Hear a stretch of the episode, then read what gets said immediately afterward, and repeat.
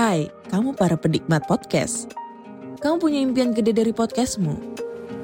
Terus First Story bisa banget bantu kamu. Mulai dari F-Link, Dynamic Audio Insertion, sampai statistik yang komprehensif. Semua ada di First Story. Gak ketinggalan kamu bisa monetisasi podcastmu lewat iklan dari First Story Ads yang bisa kasih kamu penghasilan dari setiap place podcastmu. Yuk gabung sekarang dengan klik di firststory.me. Sekali lagi, klik di firststory.me. Mari kita bawa mimpi podcastingmu menjadi kenyataan. Assalamualaikum warahmatullahi wabarakatuh. Waalaikumsalam. Selamat malam sobat Malam Mencekam. Jumpa lagi bersama saya Mang Ei di kesempatan malam hari ini. Saya masih berada di kota Cirebon. Saya dan tim berkesempatan mengundang seorang narasumber warga asli kota Cirebon yang mengalami kejadian yang sangat mencekam pada tahun 2014.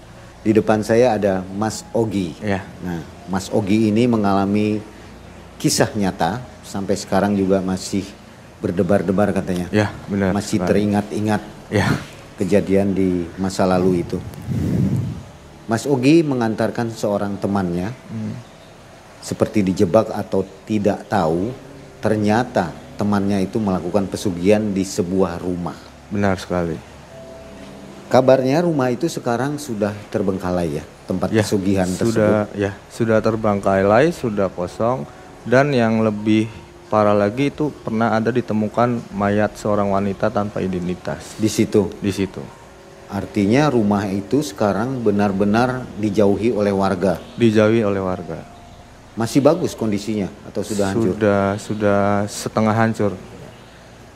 Mas Ogi boleh nggak kira-kira nih ya kami dari Malam Mencekam Explore akan menelusuri tempat tersebut. Kira-kira gimana tuh Mas Ogi? Boleh, Nggak ada masalah. tidak ada masalah. Oke, kalau gitu sekali. kita undang dulu nih ya. yang akan melakukannya. Mas Haris. Mas Haris. Nah, Mas Haris ini ada Mas Ogi yang akan berbagi kisah dengan kita tentang rumah pesugihan yang terbengkalai. Yang konon kabarnya di situ memang tempat pemujaan setan lah. Seperti itu ya. Ya. Pengabdi setan kalau zaman sekarang. Diizinkan oleh Mas Ogi untuk menelusuri itu. Kira-kira berani nggak terima tantangannya? Eh, insya Allah saya berani untuk eksplornya nanti kita akan coba menguak mitos yang ada di situ. Semoga eh, kita dapat eksistensi makhluknya yang ada di situ apa dan mudah-mudahan eh, kita bisa dikasih kelancaran di situ nanti selama eksplornya. Nah, channelnya Mas Haris ini apa namanya? Namanya Malam Mencekam Explore. Malam Mencekam Explore. Nah, nanti sobat setelah mendengarkan kisah dari Mas Ogi ini, langsung cus ke Malam Mencekam Explore untuk menyaksikan penelusurannya. Menurut Mas Ogi, bagaimana aura atau energi di rumah tersebut? Kalau menurut saya aura di sana emang benar-benar panas, eh, bikin kita merinding, Nggak umum lah gitu ya? nggak umum, karena nggak bisa untuk apa namanya kita bernapas saja susah, sesak lah. Itu ukuran bangunannya sebesar apa?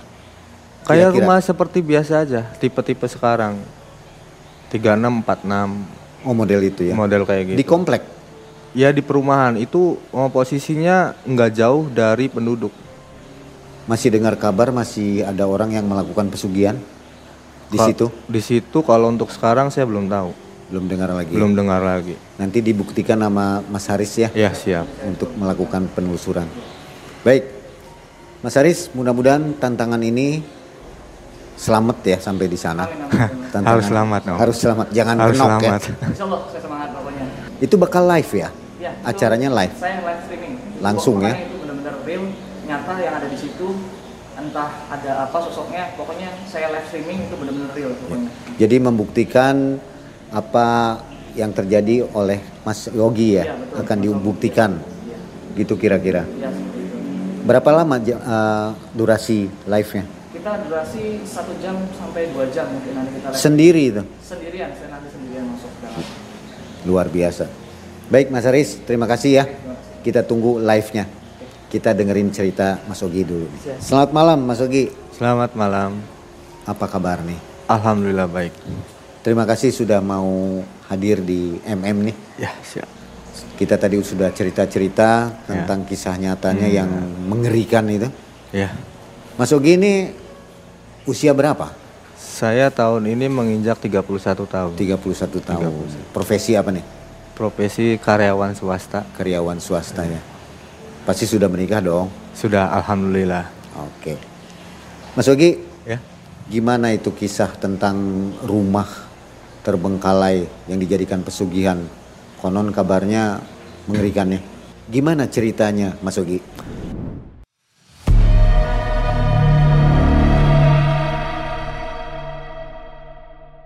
Awal mulanya 2014 ada teman saya yang bernama Agung, kita sebut aja Agung. Itu eh, telepon saya untuk minta antar. Karena itu teman saya berarti saya harus mengiyakan. Posisi jam setengah sembilan malam. Dia sudah di rumah dan saya keluar. Pertama kali saya tanya mau antar ke mana.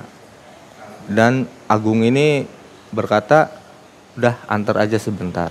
Oke, naiklah eh, dengan satu motor saya dibonceng.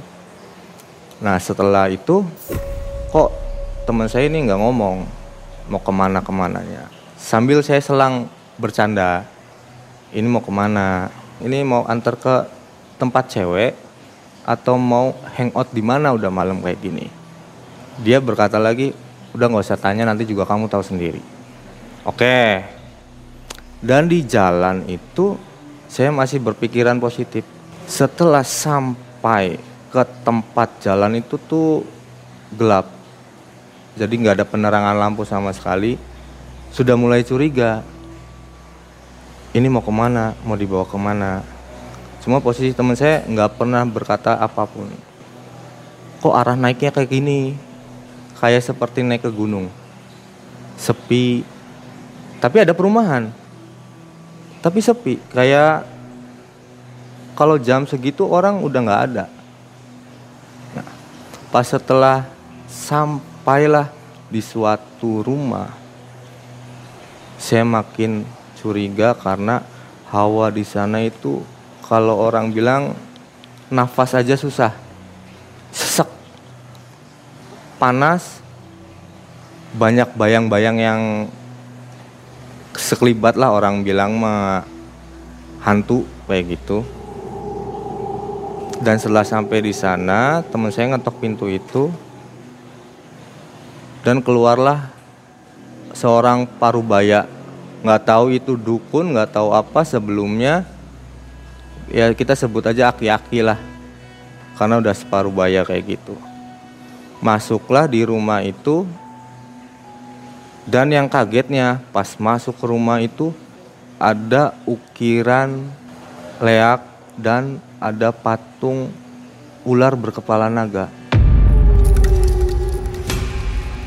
Di situ saya makin curiga. Takut. Ini sebenarnya apa? Saya masuk, kita duduk di ruang tengah dan Aki itu pun duduk di situ menanyakan sesuatu dan saya langsung bantah. Ini apa Gung maksudnya? Udah kamu ikutin aja. Teman saya berkata gitu. Nggak bisa gini, saya hampir ribut cekcok di situ. Dan si aki-aki itu bilang cuma berdua, nggak ada lagi. Nah, teman saya berkata ya kita cuma berdua dan teman saya juga mau ikut. Saya kaget dong. Ikut apa? Dari di perjalanan kamu aja nggak kasih tahu ke saya mau ke mana. Hanya suruh mengikutinya. Kalau misalkan mengikutinya untuk hal-hal yang begini maaf saya nggak bisa. Dan si aki-aki itu kayak eh, menyirap saya nggak tahu apa tiba-tiba hampir saya tergiur. Aki-aki ini cuma berkata kamu mau kaya apa tidak. Dan di situ saya mengiyakan di awalnya. Cuma nggak nyampe situ juga. Saya masih memakai logika. Saya bertanya, Kaya dalam arti apa? Kayanya dengan cara pesugihan. Syarat dari dukun itu adalah ayam cemani dan beberapa bunga tujuh rupa. Di situ teman saya mengiyakan semua syarat-syarat dari Aki. Saya kaget dong. Kamu benar-benar ingin seperti ini? Taruhan nyawa. Teman saya berkata, daripada hidup saya kayak gini, kamu tahu sendiri latar belakang saya. Mau nyawa, sekalipun nyawa orang tua, saya siap. Yang penting saya kaya dan tidak diinjak-injak oleh siapa pun.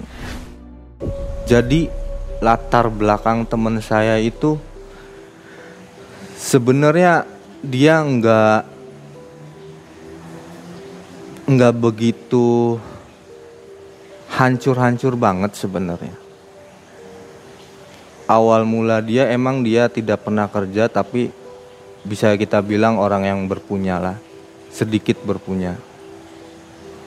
Orang tuanya sukses, ada uh, ibunya warung, bapaknya kerja di rotan, dan kakak-kakaknya juga di luar Cirebon, udah lumayan sukses. Ya karena itu mungkin terlalu dimanja ya. Jadi dia nggak akan kerja. Dan sebenarnya dia tuh sudah menikah dua kali. Mungkin dari pernikahan yang gagal ini dan dia tukang judi bermain judi mungkin dia pilih arah jalan ini. Kalau itu pribadi saya sih mungkin ke sana arahnya. Kalau kita masih berpikir logika, jelas banget dibutakan oleh harta. Di situ ada udah siap untuk ritualnya. Nah, setelah itu saya dengan sigap ambil kunci motornya dan saya tunggu di luar. Saya lari. Bukan berarti takut karena emang saya nggak mau. Apa saya nanti yang jadiin tumbal? Makanya saya lari saya ke seberang rumah itu nggak jauh ada pos. Saya tunggu di situ. Posnya sedikit rusak lah. Sambil menyibukkan diri, mainan HP. Tiba-tiba kok merasa aneh. Ada yang lewat tapi nggak ada orang. Ada pohon yang daun-daun yang bergerak tapi nggak ada angin dan ada suara seperti apa ya jalannya ular dan banyak lagi yang benar-benar menyerupai Miss K dan Mr. P. Bengong dong, saya terdiam dong. Mata saya tiba-tiba seperti melotot melihat, tapi saya nggak bisa gerak. Gimana caranya? Saya nggak bisa ngeliat arah sana lagi. Dan ternyata emang benar dari situlah sudah mulai curiga. Nah setelah saya menunggu sekitar 30 menit atau sejam dia keluar dengan auranya berbeda banget. Kayak bukan temen. Agung ini benar-benar kayak bukan Agung yang saya kenal. Saya samperin dia dengan nada cuek.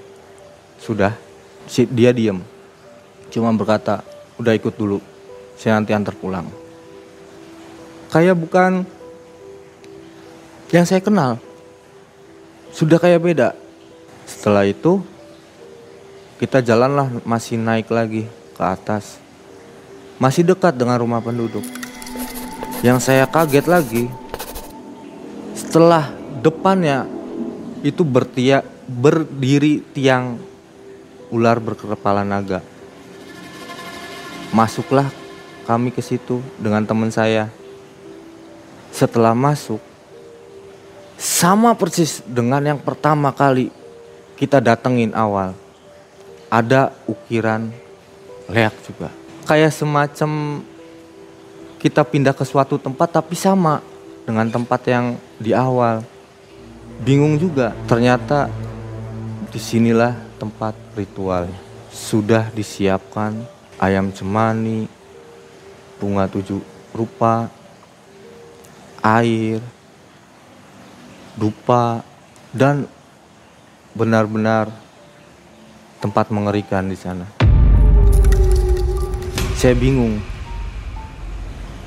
Kalau saya nemenin dia, kepikiran saya apakah saya tumbal.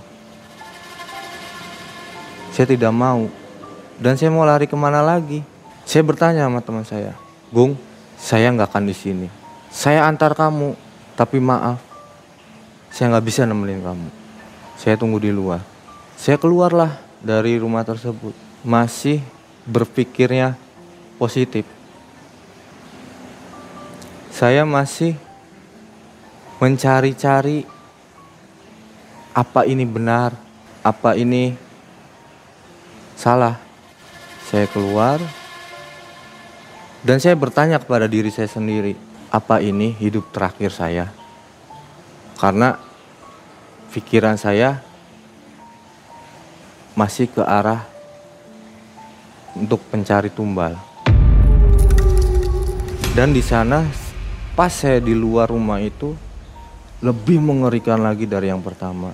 Banyak sekali bayangan, banyak sekali makhluk-makhluk kasat mata dan lama kelamaan badan saya seperti dililit ular. Tidak bisa bernapas. Tidak bisa gerak. Kayak tatapan kosong. Tapi di situ saya harus kuat. Nggak lama setelah itu teman saya keluar. Si Agung ini keluar. Dia cuma berkata ayo sudah selesai. Saya antar kamu pulang sama tatapannya kosong yang bukan teman saya. Naiklah kita motor. Saya tidak nanya karena saya masih merasa takut.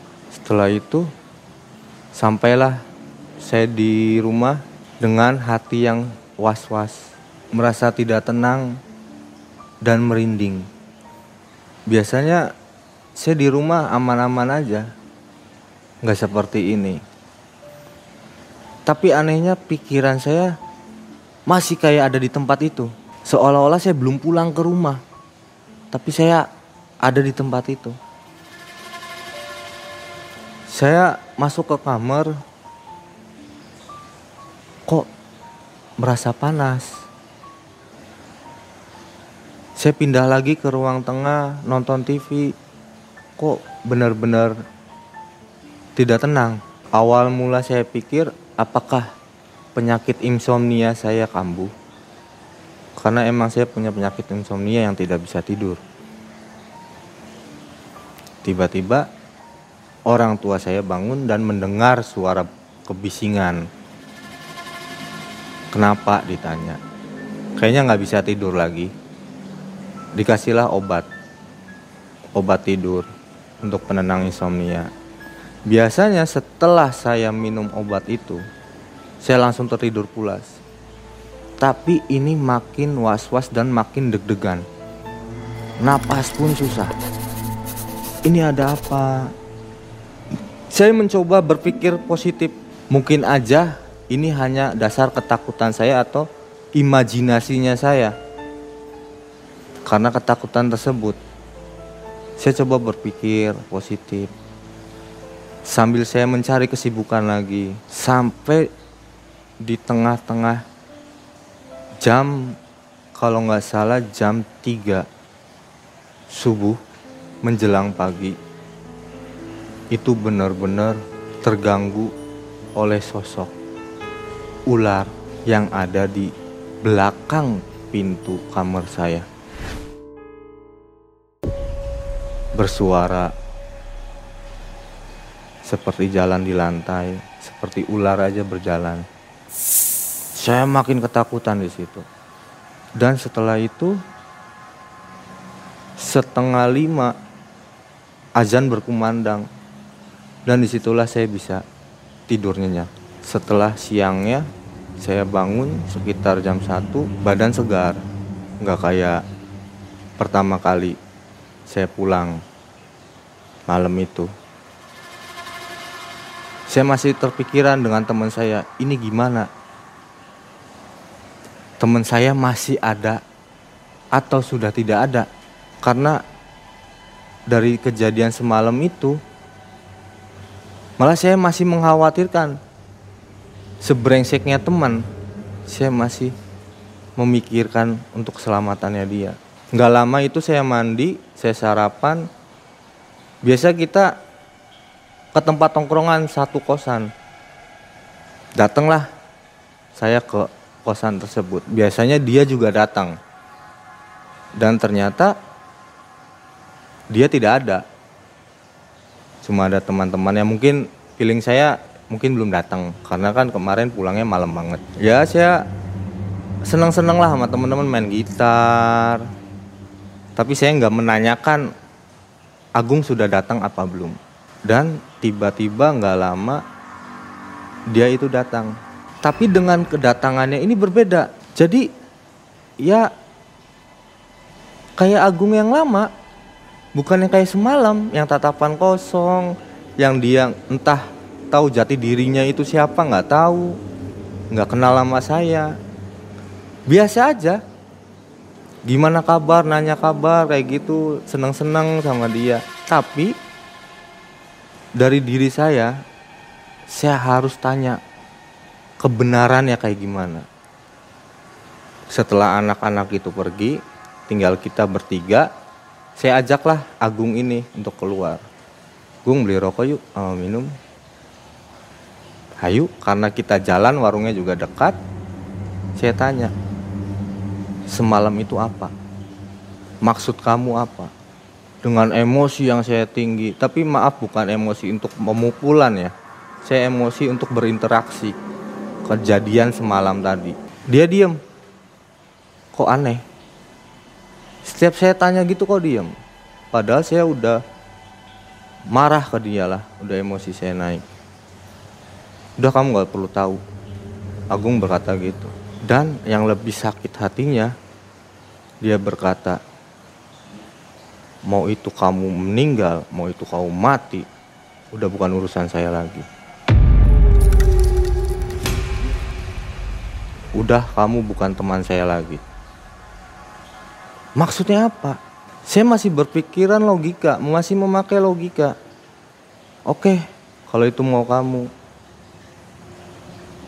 Sudah, saya pergi dari situ. Saya menjauh dari dia. Saya pulang ke rumah mencoba menetralisirkan saya dengan tenang, mencoba menghilangkan kejadian semalam itu di rumah. Anehnya kenapa setiap hari Senin dan hari Jumat itu hawa saya panas? Emosi saya meningkat dibercandain biasanya saya tidak marah tiba-tiba marah diejek sama teman aja Gi kapan kamu punya pacar saya marah Gi kapan kamu nikah? Yang lain udah nikah loh. Saya marah bener-bener marah. Padahal di hari Senin itu hari kelahiran saya, Senin Kliwon. Udah saya nggak tahu lagi harus kayak gimana sampai kejadian itu satu minggu lebih saya mengalami gangguan tersebut. Saya berpikir lagi, saya harus menjauh dari Cirebon. Gimana caranya? Saya sampai telepon kakak saya yang ada di Bogor untuk minta kerjaan. Saya telepon. Lalu kakak saya bertanya, "Mau kerja apa kamu di sini?" "Apa aja, yang penting saya kerja." Ya udah. Dua hari lagi atau lusa lagi, lusa nanti kamu berangkat ke Bogor tapi nggak sampai situ masih was-was karena mungkin mungkin saya masih berada di Cirebon karena saya belum bisa menghilangkan kejadian yang di malam itu. Nah, setelah itu saya berangkatlah ke Bogor dengan menaiki bis. Nggak usah kita sebutin bisnya lah ya. Nah, di bis itu saya su sudah merasa setengah tenang karena bentar lagi saya kan jauh dari Cirebon. Kemungkinan besar saya bisa menghilangkan semua rasa takutnya yang waktu malam tersebut. Selama di perjalanan kita melewati tol, di bangku kedua saya itu sebenarnya nggak ada orang, tidak ada yang namanya penumpang di baris depan kursi dua saya tuh. Tapi kenapa kok dengan mukanya pucat gitu? Entah ini imajinasi saya atau apa saya biarin lah. Saya di situ tertidur sebentar dan gak lama bis itu berhenti di tempat rest area untuk mengisi bensin. Saya turunlah dari bis itu untuk pergi ke toilet. Sebelum saya pergi ke toilet saya ngerasa aneh. Kok ada yang ngikutin saya. Saya ngeliat ke belakang saya noleh ke belakang lagi kok tidak ada? Mungkin bagi saya itu hanya perasaan. Atau ya balik lagi imajinasi saya mungkin.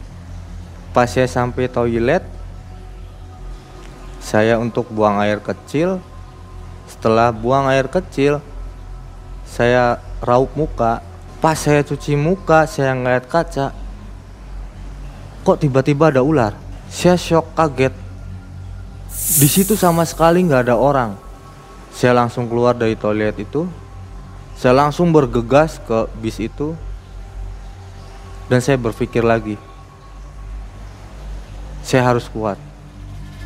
Kalau emang ini teror, saya harus lawan. Segimanapun mengerikan yang harus kita lawan. Dan alhamdulillahnya nyampelah di stasiun Bogor. Bis. Dijemputlah oleh kakak saya. Saya diantar ke mesnya. Saya ke gudang saya nggak cerita kenapa mau pergi ke apa mau kerja di luar kota. Biasanya saya ke luar kota itu tidak mau.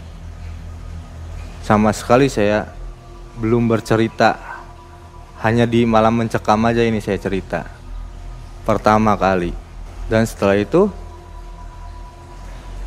saya diantarlah ke suatu gudang. Awalnya dari depan itu perusahaan itu bagus kelihatannya. Yang namanya gudang itu sepi. Masih makin ketakutan saya. Yang mau saya ambil itu saya kerja di Bogor, kemungkinan banyak orang dengan karyawan yang segitu padat biar saya ketakutan saya hilang ternyata ini hanya beberapa karyawan yang ada di situ. Cuma kita harus jalanin itu. Gimana caranya? Kita tidak boleh takut. Dan alhamdulillahnya di kantor ini setiap hari apa setiap malam Jumat itu ada yasinan di gudang. Jadi saya merasa agak tenang. Ini loh yang saya mau. Setelah yasinan, saya mencoba mendekati dengan Pak Hajinya. Saya mencoba membuka cerita saya seenggaknya bisa ngebantu nanti ke depan. Setelah yasinan itu selesai, saya panggil Pak Haji, Pak Haji, punten mau ada yang cerita oh iya Kang pakai bahasa Sunda. Gimana? Saya ceritain malam itu dari awal pertama kali saya dijebak dengan Agung ini. Terus saya ceritakan juga tentang yang ritual-ritual pesugihan itu. Sampai saya tanya lagi apakah teror itu ada Pak Haji atau Pak Ustadz apakah yang saya alami ini benar-benar untuk dijadikan tumbal? Apa tidak? Dengan kata-katanya Pak Haji Alhamdulillah dia mau menerima cerita saya dan saya diajaklah ke ada satu ruangan itu di kantor ya kayak ruangan meeting gitu.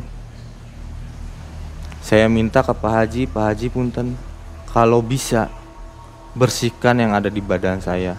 Bersihkan yang ada makhluk-makhluk yang ikut di badan saya karena sampai saat ini jauh dari Cirebon pun kayaknya percuma Pak Haji dibantulah dengan Pak Haji dengan baca-baca ayat Al-Qur'annya dan setelah itu mulai agak tenang. Di hari itu saya agak tenang. Keesokan harinya terjadi lagi di toilet. Tapi ini di toilet ini itu bukan ular. Jadi seperti Miss Kay tapi berbusana merah semua. Ya Allah, ada apa sebenarnya ini? Kenapa semuanya malah semakin parah? Bantulah hamba ya Allah, agar bisa terlepas dari godaan jin dan sihir. Hamba minta bantuanmu ya Allah. Awalnya itu hanya pegawai perempuan. Saya tanya dengan karyawan di sana.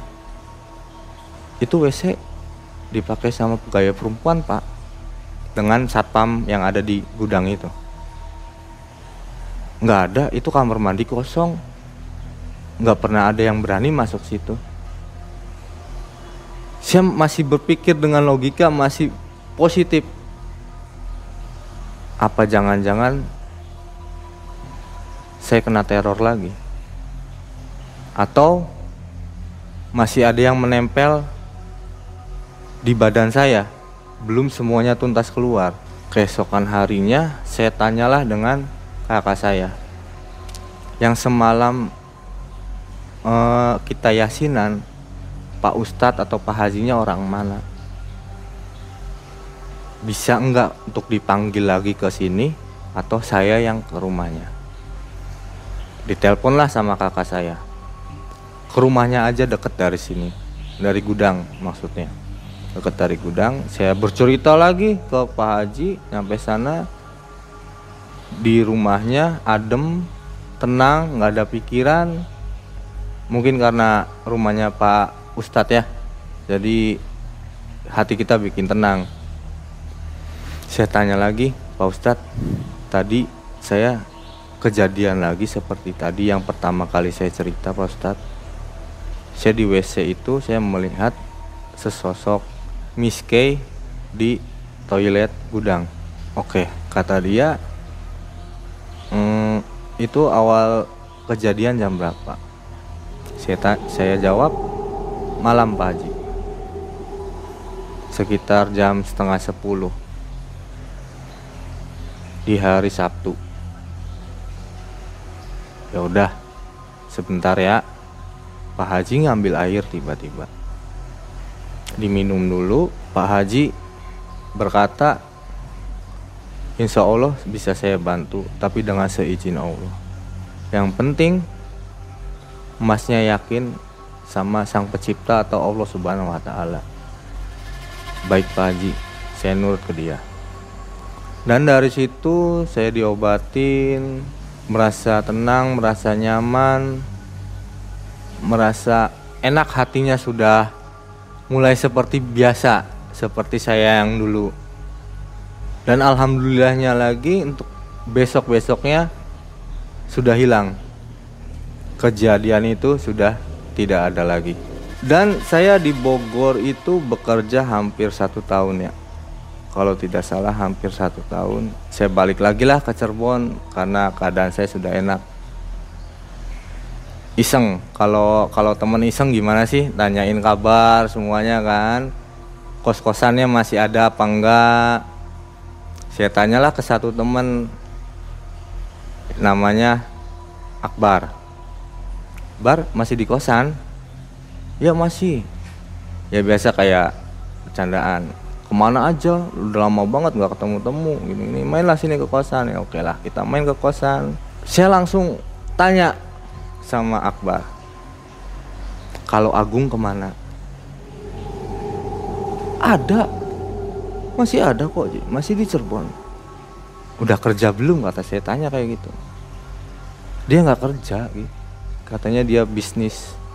Jadi kayak bisnis bikin toko, toko sembako kayak gitu. Nanti ada orang yang mau jadi yang enggak, nanti dia yang alih kerjaannya di situ. Terus dengar-dengar juga eh, apa namanya dia usaha jual beli tanah, punya tanah kayak gitu.